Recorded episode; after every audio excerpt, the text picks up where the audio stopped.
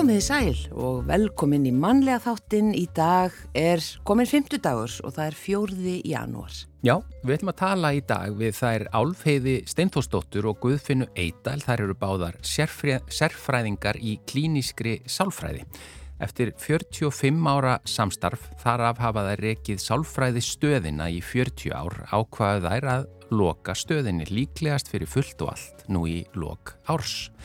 Við spjöllum við þær um þeirra langa og merkilega feril en þær hafa auk þess að skrifa saman fjölmarkar bækur um sálfræði og mismunandi æfiskeið. Þá hafa þær haldið fjölmörg námskeið og ráðstefnur meðal annars um breytingaskeiðið og vinnustada sálfræði og það verður um nóg að tala við þær stöllur, álveiði og guðfunnu á þessum tímamótum. Það er ekki algengt að sjá auglista tónleika þar sem eingöngu er flutt klassísk tyrknesk tónlist en næsta miðvíkudag í mengi verður flutt tónlist kend við ottomanveldið og kallast í Tyrklandi klassísk tyrknesk ottoman tónlist. Tónlistastýtt þessi nær árhundruð aftur í tíman og voru tyrknesku tónskáldin oft innblástur fyrir vestrænu tónskáldin. Tónlistarhefð þessi inniheldur framandi hljóðfæri fyrir okkur Íslendinga og er gríðarlega krefjandi fyrir flytjandur en við ætlum að heimsækja Ásker Áskersson, gítaleikara og tónlistamann og skoða nokkur hljóðfæri heima hjá hann. Já, og við byrjum á tónlist eins og alltaf þetta er Emiliana Torrini og lægið Big Jumps.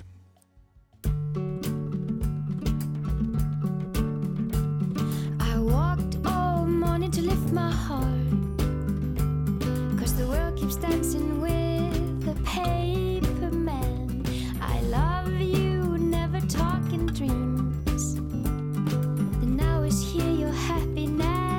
is real Oh, make some big jumps, big jumps. You afraid to break some bones? Come on, make some big jumps, big jumps. Life is yours alone You hold your head up, your head up high like you think I do Do, do, do, do, do, do, do. Sometimes I feel so confused. I'm under the illusion that I know the way the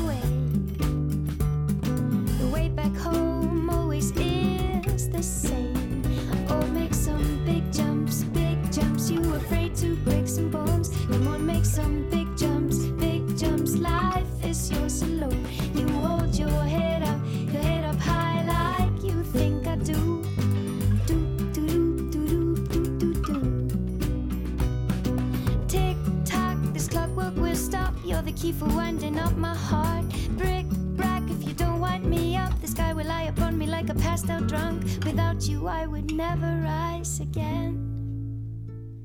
Without you, I would never rise.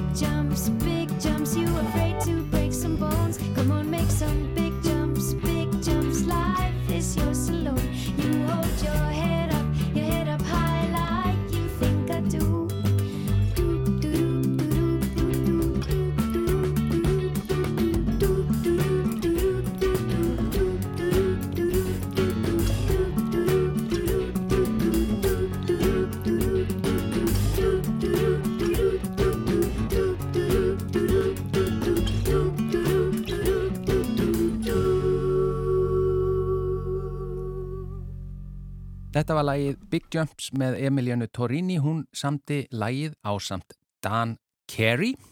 En eins og ég sagði frá í upphafi þá eru við að, það er að segja Álfheiður Steintórsdóttir og Guðfinna Eidal þær eru að e, í rauninni að klára farsælan e, starfsferil og hafa rekið sálfræðistöðina saman í 40 ár. En nú uh, er komið að því að hætta.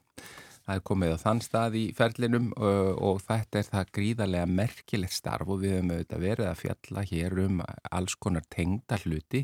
Við höfum verið að fjalla um áföll og afleðingar áfalla og hvernig má vinn úr þeim og við höfum verið að fjalla um breytingaskeiðið og það er bara við verðum að ná í skottið á þeim hérna alveiði og guðfinnu og spyrja þær bara út í ferilinn og starfið og hennan langa starfsfél og velkomnar í manlega þáttin báðar tvær. Takk fyrir. Takk fyrir. Þetta er uh, laungu ferðarlagi, uh, ég, já, ég segjum bara lokið uh, í byli, er það búið að loka eða ekki sálfræðistöðinni? Jú, það er búið að loka sálfræðistöðinni sem fyrirtæki. Já. En við kannski höldum áfram í sérverkefnum báðar og, og við hættum aldrei öruglega því að við hefum verið svo miklu hugsunamanneskur alla tíða. Ég held að við getum aldrei hætt að gera eitthvað. Já. Þið hafið, já, þessi 40 ár og þið hafið uh, unnið lengur, uh, Álfið, þú sagðir að starfsferðlar ykkar eru frekar nær 45 árum eða hvað? Já, við höfum aldrei sérst þegar var haldið hér sálfræðinga þing Norðurlanda, já. 79 og þá var enginn í, í, í félaginu sem gæti hugsa sér að taka að sér að leiða bladamannafundi Norræna því að það var svona aldrei krefjandi og þá var eitthvað sem sagði þær gera þetta bara og við þekktumst ekkert. Og svo fórum við að tókum við við þessu og gerðum okkar besta, tókum saman og söpnum fólkinu og, og tókum saman alla dagana og, og þetta gekk svo vel að við hugsaum með okkur að það er eitthvað í þessu, við skulum eitthvað tala betur saman. Það er einhver örlög leitt ykkur saman þannig. Einhver örlög leitt ykkur saman og við farið í gegnum þessa eldröun þannig að það var alveg slíkist og getur gert eitthvað meira saman, farið í gegnum fleiri eldröunir. Og, og þegar þið ákveðið fyrir 40 árum að, að stopna sálfræðistöðuna þá var ekkit mikið af svona bara sjálfstæðum uh, einingum og þessum nótum eða? Nei, sko, Nei. hún var ekki stopnuð, hún var stopnuð 1983, sálfræðistöðin. Já. En við höfum Já, já fyrir 40 árum. Já, fyrir 40 árum, já, já. en við hefðum unni saman eins og alveg var að segja í sambandi við foreldraráðgjöf sem var stopnað að batnavendaráði Ísland sem við sátum báðar í já. og svo ráðgjöf hún var í nokkur ár og við uh, unnum sko mjög verðugt starf þar bygg, uh, bara, það var alveg mikil þróun og það var gífuleg gífulega vinsalt þessi ráðgjöf en því miður að, að þá var hún feld á þingi þá hún að kom frumvarp um hana en hún fór ekki gegn. Þannig að, að við þurftum í kjálfarið á því svolítið að hugsa um hvað ætlum við að gera. Já. og þá var það svolítið niðurstaðan að stopna sálfræðistöð og, og, og með miklu híki og mikil áhattatekinn og við vissum náttúrulega ekkert hvað við vorum að fara að gera en reyndum náttúrulega algjörlega blind í sjóin Ég ætlaði að, að, spyrja, ég ætlaði að spyrja hvað þið svona sáð fyrir ykkur, því ég sé nú bara hérna, ég er með bókastabla, þetta eru bækur sem þið hafi skrifað mm. og það má eiginlega segja að þið hafi dekkað svona nánast öll æfiskeifin eh, og eh, hva, hvað ætliðu þið ykkur, hvernig sáðu þetta fyrir ykkur fyrst og hvernig svo þróaðist þetta? Jú, sko, við höfum það hugssjónað að það mætti nota sálfræðina miklu meira til að fræða almenning að, að það, það vantar þessa fræðslu. Við höfum skrifað þætti vikuna, Já. vikulega þætti og skipst á og það var alveg gífurlega lesning og það var augljóst að fólk vildi fá efni um þetta. Og, og þannig að við vorum nokkuð samfarrar um það að það væri alveg til áhugin, hann væri þarna og fólki þyrst á sálfræðin að halda og þetta var semst okkar hugsun að koma inn til skila og líka það að, að svona vísindas og sálfræð, hún hefur ekki komið til almennings, ekki á þeim tíma. Nei. Svo það var svolítið okkar hugsun að koma henni til almennings og að það væri ekki engi vísindi svo flókin að vera ekki hægt að orða þau á einhverju skiljanlegu máli. Er þegar þú segir koma þeim til almennings, erstu þá að meina í gegnum eins og bækurna sem þið hafið skrifað Já. eða að því að það hefur ekki verið jafn algengt til dæmis hér á landi og ef við segjum bara bandaríkjónum eða annað þar sem fólk er að fara endalust í tíma á sinn fasta sálfræðing eða, eða meðferðarfulltrú eða, eða hvað kallast í bara mörg mörg ár. Já. Það er ekki svoleiðis sálfræði sem það þið... er í dag, en þegar við byrjum þá var það ekki til. Já, já. Þannig að við byrjum á svona þessari svolítið almennu fræðslu, skrifa bækur, halda námskeið og námstefnur og á ýmsan hátt koma til skila þessu efni og svo vorum við samhliða með viðtöl, viðtöl og handleyslu fyrir fagfólk. Við höfum Já. alltaf verið með.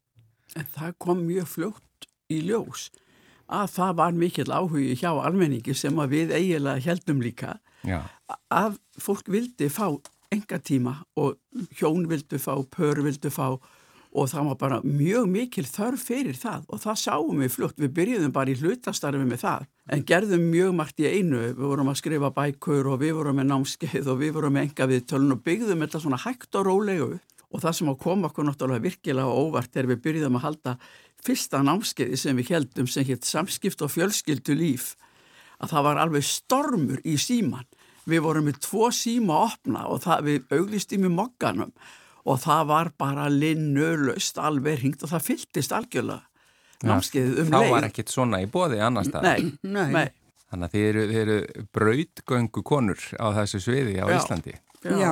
alveg öruglega Já, Og svo sama var um vinnusálfræði. já, Maður tók eftir því þegar maður var að fá þessi enga viðtöl og handleysla. Það var alls konar erfið stemning á mörgum vinnustöðum og fólk var óvist um hvernig þetta taka á málum.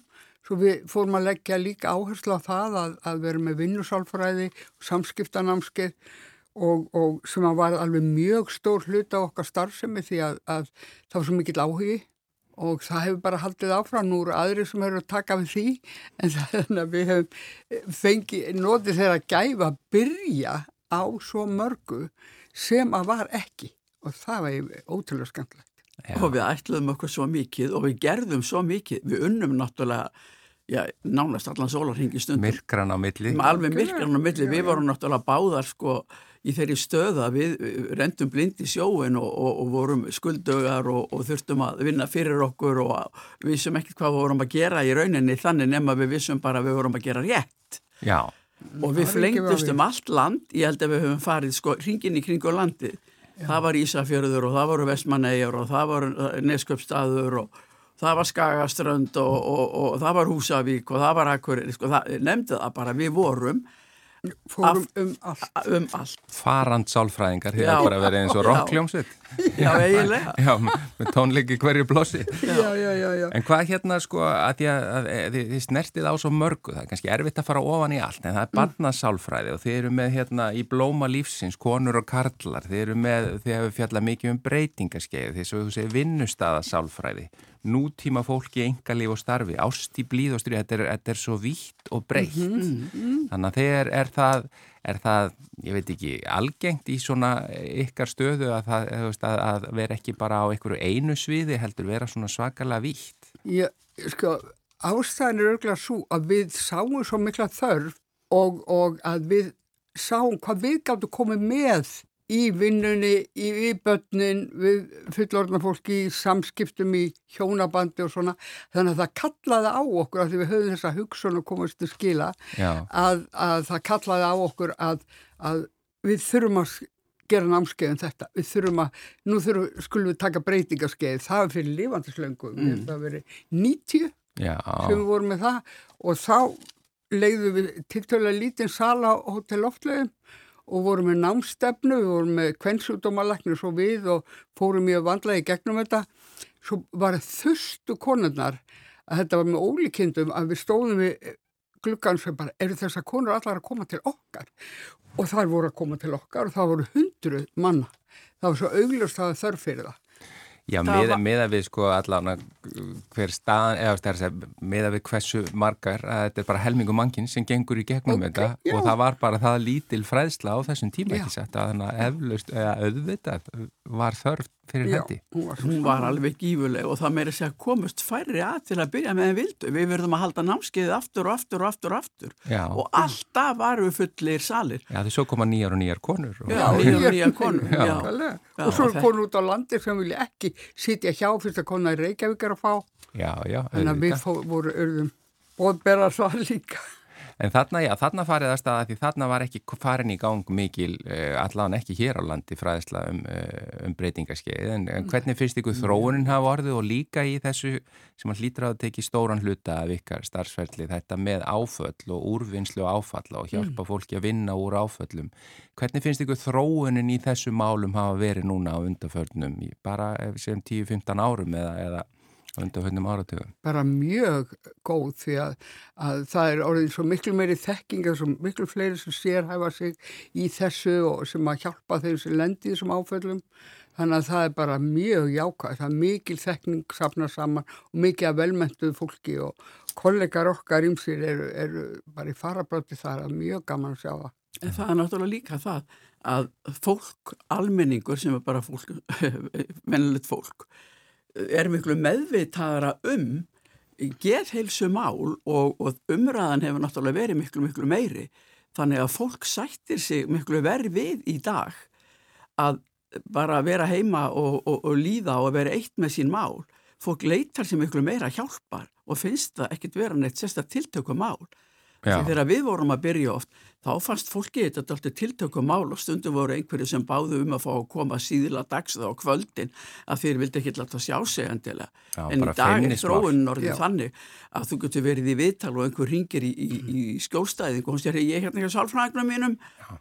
Það er ekki feimnismál lengur að nei. segja frá hvað maður er að gangi í gegnum. Nei, nei það er ekki feimnismál lengur. Og það er mikil þróun og góð sem hefur orðið með það og eins með breytingarskeið að það er miklu opnara og, og allt annað í dag heldur en það var. Já, þannig að þið í rauninni þurfið ekki endilega alveg að standa í grunnfræðslunni því að fólk veit meira Já, þegar það kemur. Vonandi hefur að skila sér einmitt að, að maður hafi verið að skrifa og halda erindi og, og, og fræða fólk um það að það hafi skilað sér áfram þannig að nú er þetta miklu almennari þekking. Fólk er líka kröfuharðara sjálft sko fyrir sig með eigin heilsu Já. Fólk þólir verð að það séu einhver samskiptavandamál, hvað sem það er innan fjölskyldu mm. eða í vinnu eða bara almennt. Þannig að, að, að þetta með að þóla verð gerir það verkum að fólk er miklu tilbúnara til að taka á móti sem sagt ráðgjöf og fræðslu og, og oft náttúrulega langvarandi meðferð líka. Já. Því sumir hafa náttúrulega verið í langvarandi meðferð með mál, ekki síst kannski tengt áföllum oft. En núna á þessum tímamótum, eftir 40 ár uh, sálfræðistuðun sem þau hefur ekki saman í 40 ár, uh, Álfeður Steinforsdóttur og Guðfinna Eidal, hvernig er tilfinningin að, ég menna, stóð aldrei til að fá bara nýtt fólk til að taka hana áfram eða leggið hana bara niður og, og hvernig er tilfinningin að vera á þessum tímamótum eins og núna? Já, hún er, hún er svolítið blendinn af því að við erum búin að, vera, búin að vera svo mikill partur af okkur. En eh, við erum búin að fara eins og maður þarf að gera í svona eh, tímamóta vinnu, fara í gegnum þetta allum tíma og vinna með þetta og ræðum þetta og, og, og finna leiðir hvað við viljum gera í framhaldinu og svona. En, en það er líka bara ákveðin sko léttir að við erum heilbreyðar og hressar og áhuga samar um fæið þannig að við erum ekki einhvern veginn að leggja upp laupana eða önnur verður að ganga frá að því hinn getur ekki, við erum báðar í þessu og við höldum mm. því alveg til streitu að, að ganga frá þessu saman og, og erum bara stoltar yfir því hvað við höfum gert og, og komum til skila á þessu 40 árum því að við sjáum allt í kringum okkur. Jú, það er náttúrulega bara auðvitað er þetta alltaf skrítin tilfinning en, en sko við eigum nafnið sálfræði stöðin, ekki miðstöðin heldur stöðin sem hafa okkur hjálpað með á sínu tíma að finna okkur fannst flott nafn mm -hmm. og það, sko, það lifir náttúrulega í okkur áfram og er, er okkar Já. þannig að, að, að þó að, að leiðir skiljist með að reyka sameigilega fyrirtæki að þá getum við náttúrulega gert ímislegt og, og, og, og við erum svona báða þannig einstiltar að við erum öruglega áhuga samar og, og, og gerum ímislegt við hver veit hvað í framtíðinu það er ágætt að breyta til. Já, mér heyrist það nú líka bara hérna því eru hverginari hættar þó að sálfræðistuðin verður kannski lög, lögð í salt. Það var svona forspáð þegar við byrjuðum að það þýtti ekki að vinna saman svona lengi. Svona samstarf gengi ekki upp árum sama, það myndi alltaf koma upp eitthvað sem erði mikið vesen og svona En það er kannski rétt að nefna það eins að það er mjög mikilvægt þegar maður er að vinna svona saman að maður finnir sameigilegan tón Já. að maður geti unnið saman, maður finni það og að, að það sé ákveðin virðing og gagkvæm svona svo í vináttu það þarf að vera fyrir hendið því þá getur maður svona eins og í góðu hjónabandi sko tekist á við vandamál sem koma það kemur alltaf upp vandi það er ekki máli heldur hvernig tekur maður, tekst maður á við þá? Við erum á þessum 40 árum búin að fara í gegnum ymsar eldrunir og bara staðið saman og ráði við það og, og það hefur bara verið verið fínt sko. Fyrir utan að húmor er, náttúrulega við Já. höfum reynt að rækta húmor og geta hleyja hlutunum og haft gaman Jú, en mikið af þessu er að, að þetta hefur gengið svona er að í upphafinu þegar við vorum að kynast þarna eins og upp á loftuðum þá fundum við smá saman að við höfðum mjög líkar skoðanir, við höfðum lík gildi, við horfðum dalti mikið líkt á lífið og tilveruna og við höfðum sko brennandi áhuga fyrir svo mörgu og við gáttum samin að það svo fljókt og það þurfti ekki að vera að ræða allt og mikið um það, það bara var. Þannig að, að, að grunnurinn var lagður svo snemma. Þannig að, að, að það hefur náttúrulega alltaf verið haft í hávegum allan tíman. Takk ykkur innilega fyrir að koma í manniða þáttin og deila aðeins með okkur af ykkar löngu reynslu Álfeður Steintórsdóttir og Guðfinna Eidal sérfræðingar í klínískri sálfræði. Innilega til hamingju með bara allt sem þið hafið áorkað. Takk, Takk fyrir.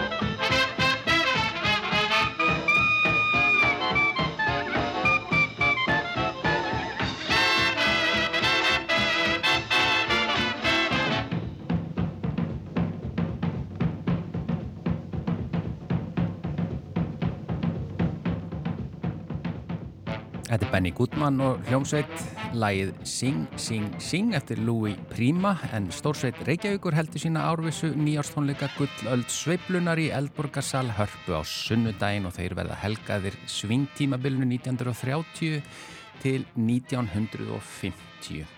En nú förum við út í bæ með Guðrúnu. Já, mannlegi þátturinn er komin hingað í hlýðakverfi í Reykjavík. Hér býr hann Ásker Áskersson, tónlistamæður og gítaleikari. Það vill þannig til að í mengi verða haldnir tónleikar næsta miðvikudag 10. janúar sem Ásker kemur á, eh, kemur að öllu heldur, Sinis Áskersson Duo og þetta er sem sagt Sinis, ekki Sinir og uh, þarna verður flutt klassísk tyrknesk tónlist kend við ottomanveldið og uh, já, tónlistastýt sem nær árhundruð aftur í tíman. En það er ekki gott að ég sé að segja frá þessu, heldur en kannski betra að bara heimsækja tónlistamannin sjálfan, Ásgeir Ásgeirsson, sem hér opnar. Góðan daginn! Góðan daginn og verður velkomin. Hvað getur þú sagt okkur um þessa tónleika og má ég kíkja inn í tónlistarherbyggi hjá þér? Það máttu svo sannlega. Sko, við, hér býr á Íslandi uh, náungi sem heitir Fadeon Sinnis og er frá Greiklandi. Uh, hann ólst upp í Bandaríkjónum og er búin að búa þar en hann er greiki, ættað frá Greiklandi og spilar svo kallar tyrkneska ottoman tónlist. Uh, ottoman tónlist er rosalega gömul tónlist og nær aftur og, og aftur til Tyrkjaveldis þegar ottomana reyður ríkjum í Suðaustur Európu og víða í miðaustur löndum og Norður Afríku og, og undir þessu heimsveldi ef að kalla má að þar blómstraði þessi tónlist og þeir voru með tónskald á sínum snærum sem að, sem að hérna, sömdu tónlist sem að urðu oft, þú veist, vestrænu tónskaldunum til inblástu sko. Og, um, og þetta, Istanbul eða Konstantinopel á þessum tíma var gríðarlega svona mikill nafli alheimsins, þetta náttúrulega var staðista heimsveldi síns tíma. Og þaðan kom að fólk frá Armeníu og Greiklandi voru að spila og með Tyrkjum. Og þetta er fyrir árið 1900 sem að þetta var að gerast. Og úr var svona söðupottur af tónlist uh, sem er kölluð uh, tyrknesk ottoman tónlist. Mm. Og greiðlega flókin og sérstök tónlist. En, en hérna hann, ég semst verið að læra þessa tónlist bara svona þegar ég fara á námskeið undan farin ár. En hann var að læra þetta fyrir 20 árum og, og, og er mikil mistar í þessari tónlist og spilar á hljóðfæri sem heitir Kementsje og er svona tyrknesk hnjöfðila og annar hljóðfæri sem heitir, heitir Kanún og er svona borðharpa og leiðu leið fólk heyrir hljó, hljóminni í þessum hljóðfærum og þá hafi heyrt þetta hvað sem er í, í veist allir sem hafa heyrt östræna tónlist er að hafa heyrt þessi, heyrt, heyrt þessi hljóður þessum hljóðfærum yeah. ég hins vegar spila á hljóðfæri sem heitir Út og er svona arabísku gítar eða tyrknesku gítar og þessi tónlist um, í, í miðausturlöndum og í sagt, balkantónlist rennur svolítið undan það sem gerist með balkantónlist er að hún rennur svolítið undan þessum ranni, ef að segja má. Yeah. og, og, og síðan blanda svo sama við austrana, eða sérst vestrana tónlist, svona Evrópi hefðir á, á 2000-öldinni og það kemur balkantónlist og grísk tónlist því að það voru greiða mikið að gríkjum sem byggu í, í Ismir um, sem er reysastór borg á vestuströnd Tyrklands. Um, þannig að hérna, grísk tónlist, þessi svo kallu sorbatónlist rennur þaðan undan líka. Þannig að þetta er svona pínu svona uh, hvað segir maður, svona frumið kannski í tónlist uh, frá söðu-austur Evrópu. Mm. og síðan er, er þessi tónlist svona söðupottur líka, það er svona þrýr megin stílar í miðausturlöndu, það er þessi tekniska tónlist og svo er arabísk tónlist og svo er svona persners tónlist. Og þetta er allt frekar ólíki stíla þegar maður er vanur að hlusta á þetta. Um, En, en svona fyrir... kannski fyrir leikmann já, hljómar þetta svolítið svipað. Já, sko, ég líki svo oft þegar ég spurður sko, þá hver er munun á persneskri, arabískri og tyrkneskri tónlist, þá, þá held ég þetta sé pínlítið eins og bara uh, fyrir óvanan að heyra dönsku, norsku og íslensku. Ef maður líkir svo tungumál. Mm, og þú veist, kannski fyrir Amerikan að heyra þetta í fyrsta skipti er þetta kannski bara, þú veist ég veit ekki þá er þetta kannski bara nákvæmlega eins. Hann gerir engar mun en fyrir okkur er þetta náttúrulega ger ólíkt. Þú veist, við skiljum ekki eins og dönsku. Tungumál af sama meiði þannig lagað en, en einmitt, öll, öll ólík samt. En hvernig stendur á þessum áhuga þínum áskifegnis að þú hefur nú getið gott orð e, svona fyrir að leika þessa músík og þú hefur ja, gefið út geisladiska og bara virkilega söktir söktir ofan í þessa, þessa tónlist. eh, hver er ástæðan? Ég held þetta bara að sé eitthvað svona þetta er bara eitthvað sem talar til manns. Þetta er bara held ég eins og að eira þú veist, poptónlist, einhverja þú veist að hlusta á Bob Dylan. Ekkur elskar ekki allir Bob Dylan en sumir elskan meir en aðrir? Ég held þetta sé bara nákvæmlega sama þú veist og, og ég fýla alla tónlist í rauninni bara góð og, og slæma það sem mér finnst. Um, þannig að mér, ég get alveg hlustað á eitthvað frá Greiklandi og mér finnst ekkert varðið það sko, eða frá Tyrklandi og mér finnst ekkert varðið það eða ekki skemmtilegt og þannig að það er svona ákveðin eh, hluti af þessu. Og svo finnst mér líka að spila á þetta hljóðfæri sem heitir út Já, sem allir sjá hvað er hérna. Allir útvarpinu sjá útið þitt það hérna, eða útið, má hérna beigja það. Hér stendur þetta fallega hljóðfæri eða svona liggur á, á hérna hvað heitir þetta, á grind? Já, þetta er svona bara gítarstatíf Já, já. statíf, já. Og þetta er semst bara svona 11 strengja hljóðfæri og er semst afi gítarsins. Semst Þetta er afi gítarsins. Og... Megu heyra hans í honum? Já, já. Eða í henni, er já, þetta hún? Þetta er, það? Þetta er bara höfum þetta í hvern kynni sko. Já. Það er stór búkur. Það er stór búkur, já, já Best að þú útskýrir. Segð þetta eins og enn. Stór búkur með miklum belg Já. Eftir jólatörnina og stuttur háls og svo er svona hál, hérna, hausin hann, hann bara vísar beint til vinstri sko. Já. og það eru 11 strengir og þetta eru nælonstrengir. Og fyrra á öldum þá var, voru strengindi búin til úr geitahári held ég. Já.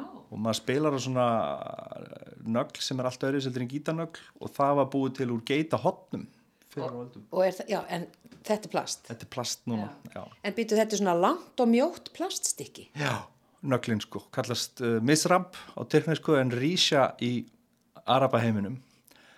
Og já, þetta er bara, þú veist, þetta er, það þetta er þrjúðust að til myndir sko frá Egiptalandi það sem er verið að spila á þetta hljóðfæri fyrir þrjúðust árum á veggjum í Egiptalandi þannig að, og þetta hefur ekkert, verist ekkert að hafa breyst sem sagt lægið á, á þessu og þetta er bandalust sko eins og fyrirlan Já.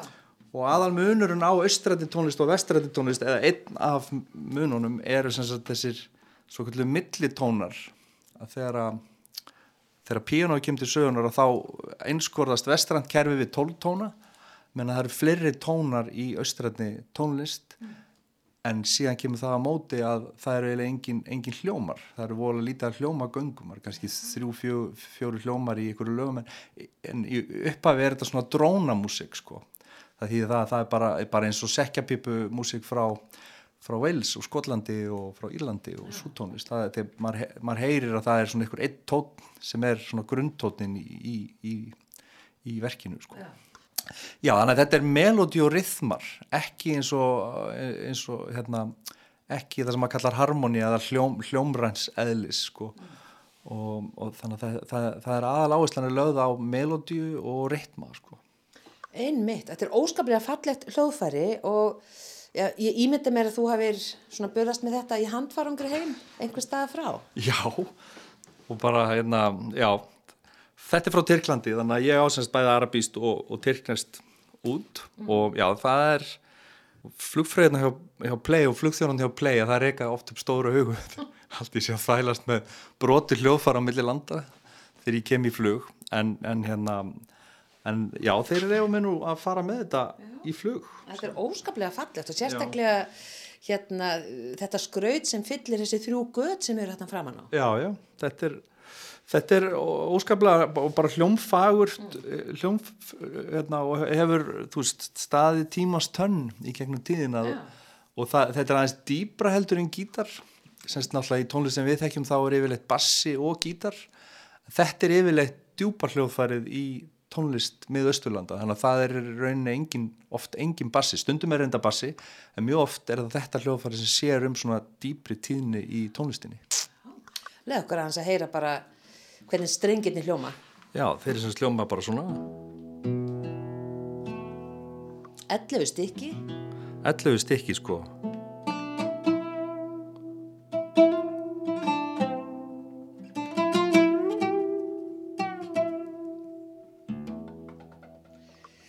sexstrengja gítarinn lítur nú að verða auðveldur eftir smá stund að spilir í á þetta eða hvað? Já, það Þetta er, er bara allt, allt öðruvísi. já, þetta er allt öðruvísi Það er ekkert auðvöld í þessu.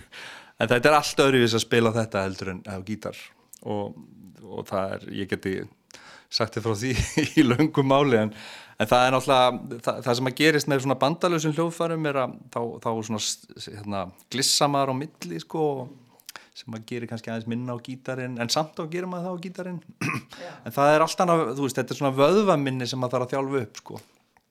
Og ef, til, til, til dæmis, þú veist ef ég er að fara að spila á tónleikum á gítar þá til dæmis spila ég ekki á þetta hljóðfæri daginn sem ég spila á gítar. Það er bara því að vöðvaminni allavega hjá mér að það rugglast pínlíti sko. Þannig að þetta er, það er svona mikla pælingar á baku þetta hvernig maður verður svona multi-instrumentalisti að spila mikið á hljóðfærum. Að maður það stundum að pæli hvað maður er að fara að gera næstu daga. Já, þetta þarnast skipulags. Sko, ég er nú bara horfi hér yfir, yfir herbergið, tónlistarherbergið og það, ég hef ekki tölu á þessum hljóðfærum. Þetta er allt svona, já, svona dálítil, já, svona lítið öðruvísi út en maður á að venjast þessi, já, kannski flest. Já, skrítið og skemmtilegt, sagði ykkur.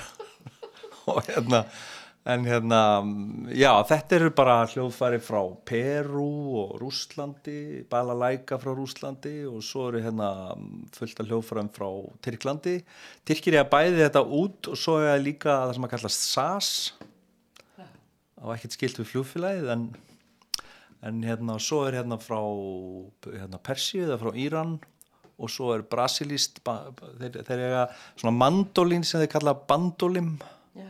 og svo er gríska búsúki sem að margir það þekkja nú flesti grísku tónlistina og, og hljóðfæri frá Búlgari og, og svona hitt og þetta Já.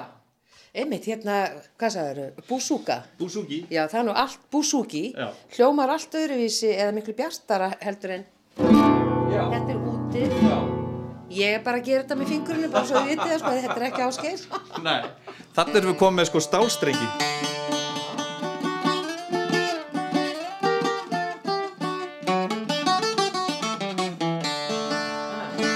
Nef, Never on Sundays, það var spilað á þetta. já, já, já og, og Grekkin Sorba og svona. Og þetta er það sem að Grekkir höfðu með sér hérna, frá Ismir þegar þeir voru reknir þaðan eftir að Ottoman veldi fjell að þá tók upp, var svona, svona þjóðverðnis hyggja í Tyrklandi. Og þá voru allir útlendingar reknir frá Tyrklandi og, og þá bara þurftu þeir að drífa sig og þá voru þeir með þetta og það, það er svona þetta breiða bak eða svona kúfta bak sem er á þessum hljófærum eins og út og það er mjög víða þú sér að það er Já, það sem er sammeilegt breitt. með þessum austrannu hljófærum er að, að bak, baki er allt öðruvísi það er ekki slétt eins og, og gíturum sko. það, er, það er svona þetta kúfta bak Er það til að fá hærri og meiri og lengri hljóm? já það er svona að vera dýpri tón Já, dýpri tón. já, þú veist um, vilja þeir meina Já. það kemur allan öðruvísi hljómur út úr þessu En þetta sem er fyrir aftan þið, er það líka út? Já, þetta hérna, já, fullt af útum sko. Hvernig hljómar þetta? Er það... Þú átt fullt af útum, já. Já, Þau eru ekki öll hér, sem sagt. Jú, þeir eru nú flest hérna, en... Og svo er hérna, já, já, og svo er hérna, svo er ég, ég náttúrulega sítarinn hérna. Já, sítarinn, er hann stiltur? Já, ég, nei, Nei, nei. þetta er stilt, þetta er frá Índlandi líka. Já, Þetta heitir Sarot. Sarot, ég vil nú bara taka mynd af þessu og setja á vefin. Já. Þetta er mjög fallegt hljóðfæri. Þetta er náttúrulega, ég er nýbúin Ég hef að bara aldrei séð neitt þessu líkt. Nei, sko, Þú voru að segja mér aftur hvað þetta heitir. þetta heitir Sarot. Sarot. Já. Og Vá, og þetta er sem sagt frekar nýtt hljóðfæri í, í indesku uh, þeir sem sagt búa þetta til eftir hljóðfæri frá Afganistan sem, sem heitir Rabab Afganir eiga sem sagt Rabab sem er nákvæm, eða ekkert ósvipar en hann er samt með böndum og þeir búa til þetta indverðadir þannig að þeir eru með svona sítar sound í þessu og þetta er gríðalega vinsall hljóðfæri núna í Indlandi og ég ætla kannski að reyna að spila þetta eitthvað tímann heyrðu, leið okkur að heyra aðeins í þessu. Ég er mjög, mjög forritin að heyra bara hljóðið. Það er að 20 okkar strengir þannig að ég vona að það séu wow. flestir stiltir sko. Já, skal færa hérna sótavatni til hliðar. Já, þannig að þannig að hérna Við rekumst ekki, þetta er svo stórt.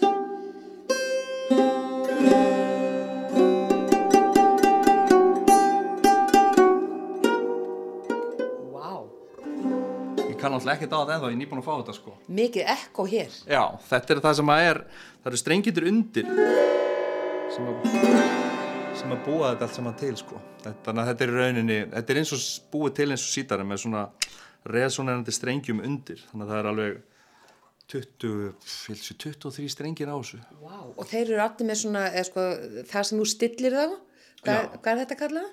þetta er bara stilliskrúan Bara stillir skróð, það var ekki neitt eitthvað flókið. En Það eru útskortnar og fallegar, en Já, svo já. er hérna efst uppi, það er svona gilt, risastór kúla. Já, þetta er bara svo blómapottur. Þetta er til að resoneri betur í honum, sko.